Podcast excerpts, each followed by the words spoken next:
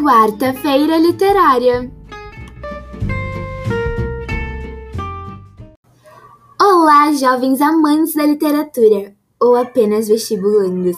Bem-vindos a mais uma quarta-feira literária, onde nos reunimos toda semana para deixar a literatura muito mais interessante e divertida. Sim, é possível. Hoje nós iremos falar sobre as produções literárias da nossa ilustríssima Cecília Meirelles. Como vocês já devem estar cansados de saber, um dos grandes nomes do modernismo e da poesia brasileira. Para começo de conversa, precisamos saber um pouco mais sobre a vida dessa célebre escritora. Ela nasceu no dia 7 de novembro de 1901 no Rio de Janeiro. Ela é carioca, ela. Morreu também no Rio de Janeiro, no dia 9 de novembro de 1964. Foi também professora, jornalista e pintora, além de escritora e poeta. Multifunções. Cecília Meirelles foi realmente muito especial. Com apenas 18 anos, publicou seu primeiro livro de poemas, denominado Espectro. Eu que não queria ser prima dela.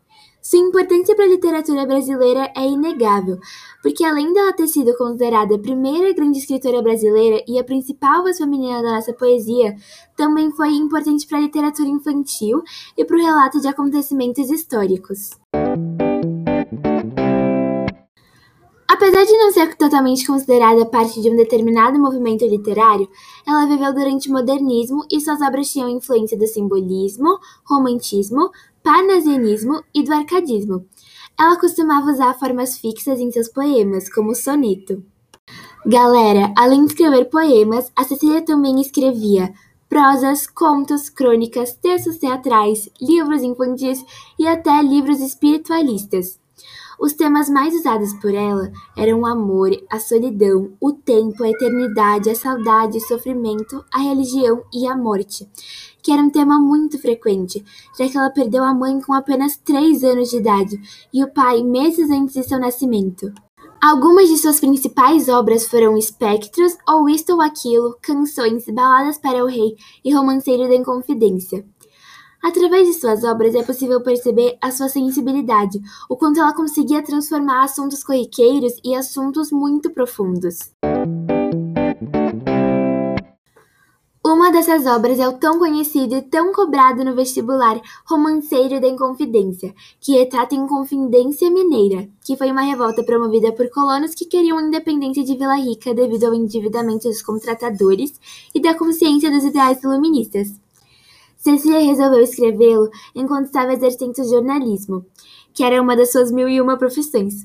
Ela foi até Ouro Preto para acompanhar as festividades da Semana Santa e se sentiu instigada pela história de Vila Rica. Ela sentiu que essa história deveria ser contada com mais sensibilidade, essa obra é extremamente importante, pois nela houve a retratação de um importante momento histórico através da narração dos detalhes, como paixões, pequenos gestos, monólogos e eventos laterais, mostrando aos leitores partes importantes da história que são pouco contadas. Então, pessoal, por que eu disse tudo isso, afinal? A Cecília contribuiu imensamente para a cultura brasileira. Além de ter sido brilhante em todas suas mil e uma profissões, ela deixou uma mensagem importantíssima para nós, de que as pequenas coisas também merecem ser retratadas. E assim, nos mostrou partes da história que a gente nunca iria saber se essa mulher não tivesse nascido com o dom da sensibilidade.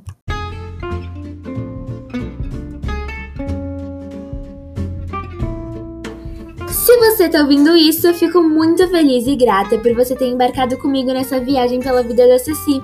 Sim, você ouviu certo. Depois de descobrirmos todos esses fatos, já podemos nos considerar íntimos dessa ilustre escritora. Bom, ficamos por aqui, mas não fiquem chateados, quarta-feira que vem tem muito mais.